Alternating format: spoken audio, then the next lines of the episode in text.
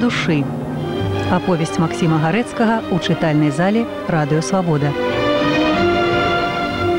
Чытае кастусь бандарук.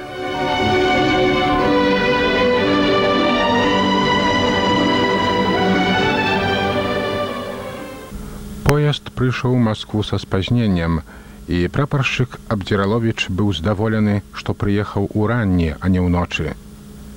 Пасля месяцу цяжкой хваробы ў дывізійным лязарэце, пасля мучэнняў і турбот на пазіцыі, дзе быццам у захвіцэнню быў даўнейшы маладых лецяў дух яго.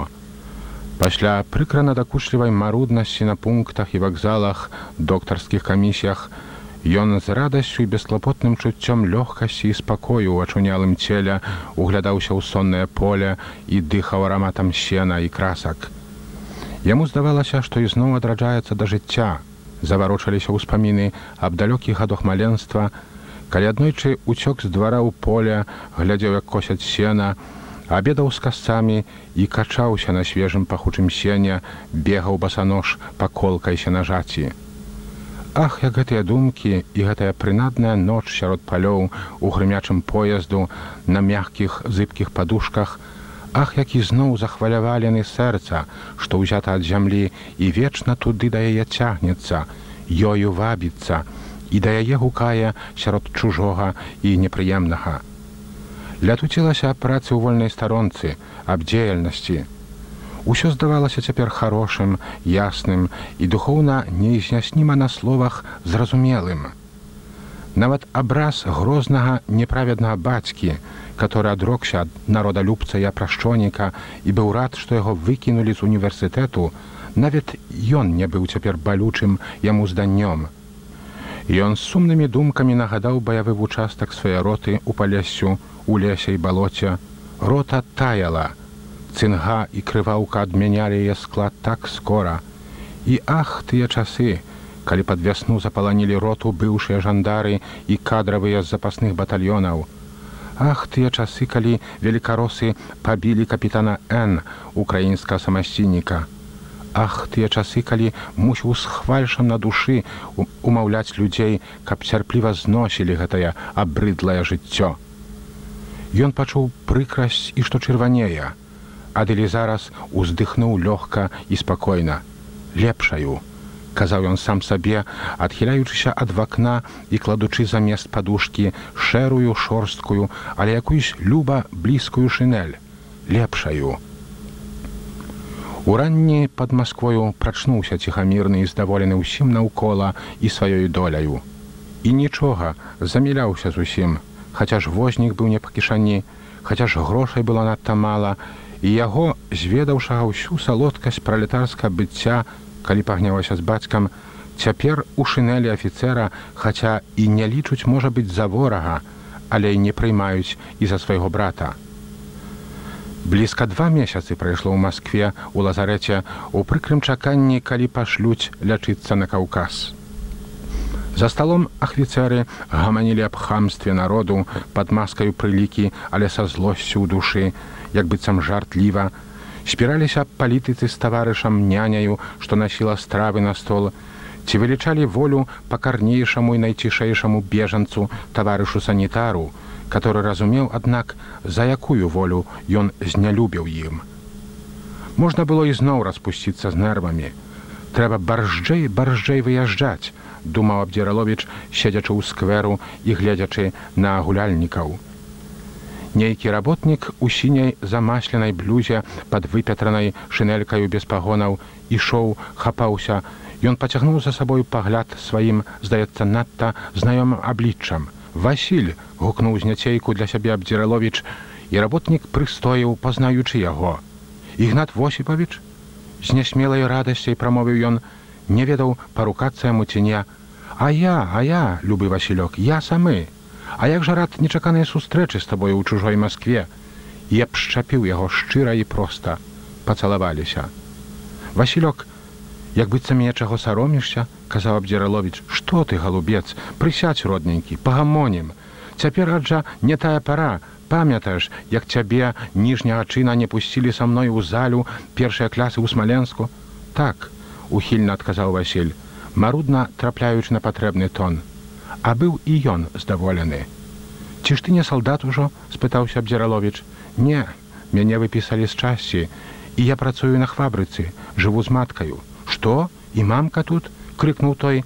Не ведаў як сказаць аб ёй а казаць як калісь маланка сароміўся а як ба добра з ёй пабачыцца. А што здарова? Тупаець як тады? Ат якое там здароўе іх над восіпавіч а злашчы пры гэтай дарагоўлі каб хаця страваванне лепшае яны троху помаўчалі калі не пагрэбуеце невясёла і нясмела усміхаўшыся казаў васіль пойдзем старая будзе надта ж радая. Успамінае вас штодзённа адрес вельмі старалася даведацца. Клапаціла ці не забіты вы. А я няўстыдны не пісаў ніколі сваёй мамцы. Пойдзем пойдзем. Ай як добра! Дай веры васіль рад табе як роднаму брату. З бацькам я блізка што нічога супольнага не маю ты напэўна ведаеш і нікагенька ж няма ў мяне сустракаўся праўда з рознымі людзьмі ад успамінаць не хочацца вось ізноў адзін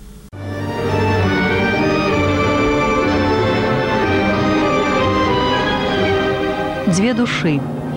Аповесць Масіма Гарэцкага ў чытальнай зале радыёвабода. Чытае кастусь бандарук.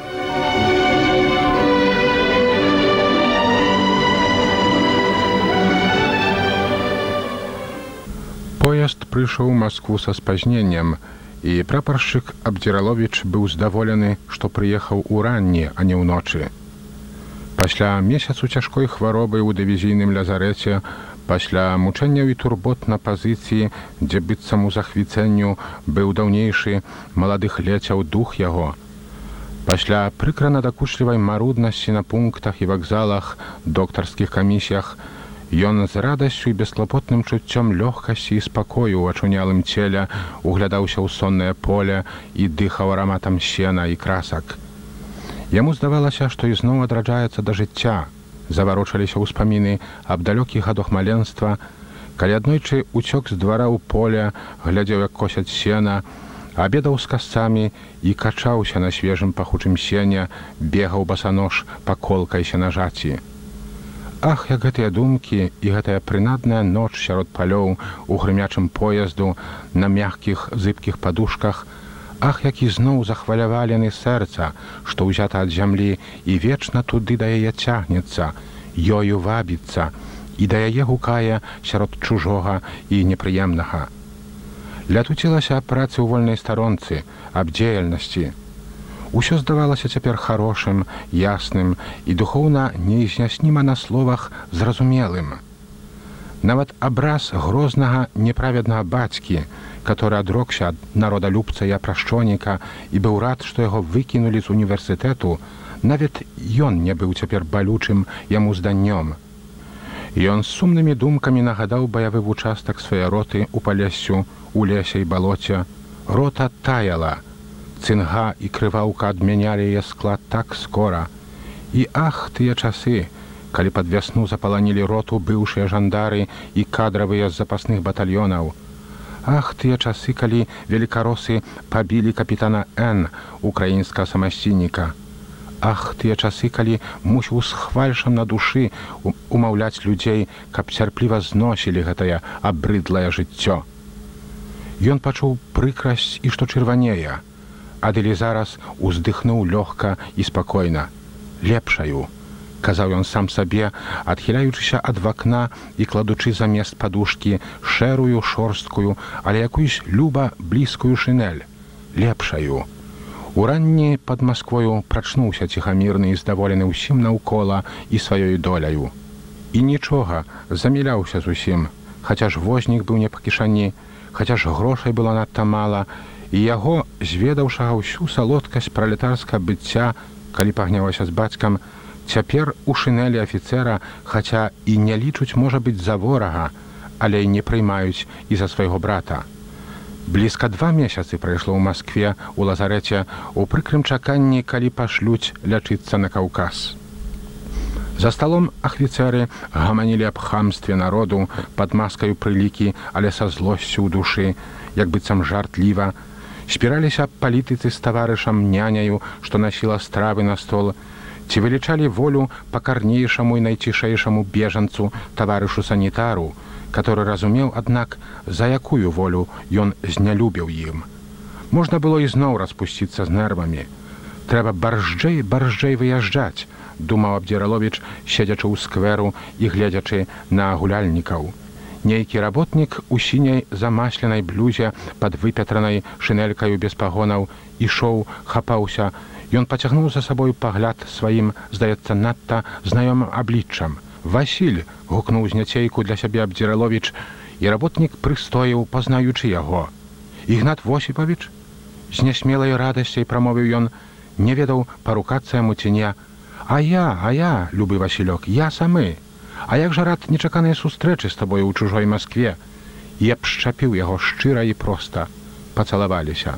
Васілёк, як быццам я чаго саромішся казаў абдзіраловіч што ты галубец прысядь родненькі пагамонім цяпер аджа не тая пара памятаеш як цябе ніжняга чына не пусцілі са мной у залю першыя клясы ў смаленску так ухільна адказаў василь марудна трапляючы на патрэбны тон а быў і ён здаволены ці ж ты не салдат ужо спытаўся абдзіраловіч.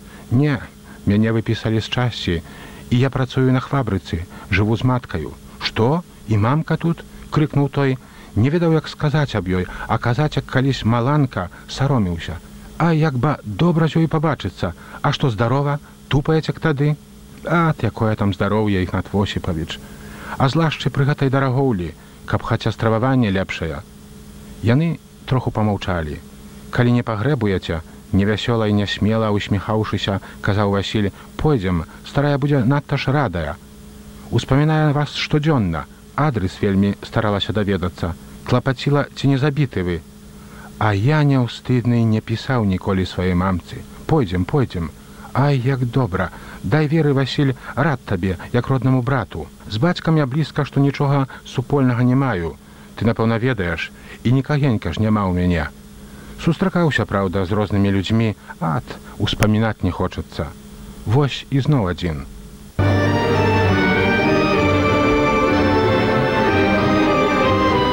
Кастусь бандарук чытаў для вас старонкі аповесці Масіма гарэцкага дзве душы.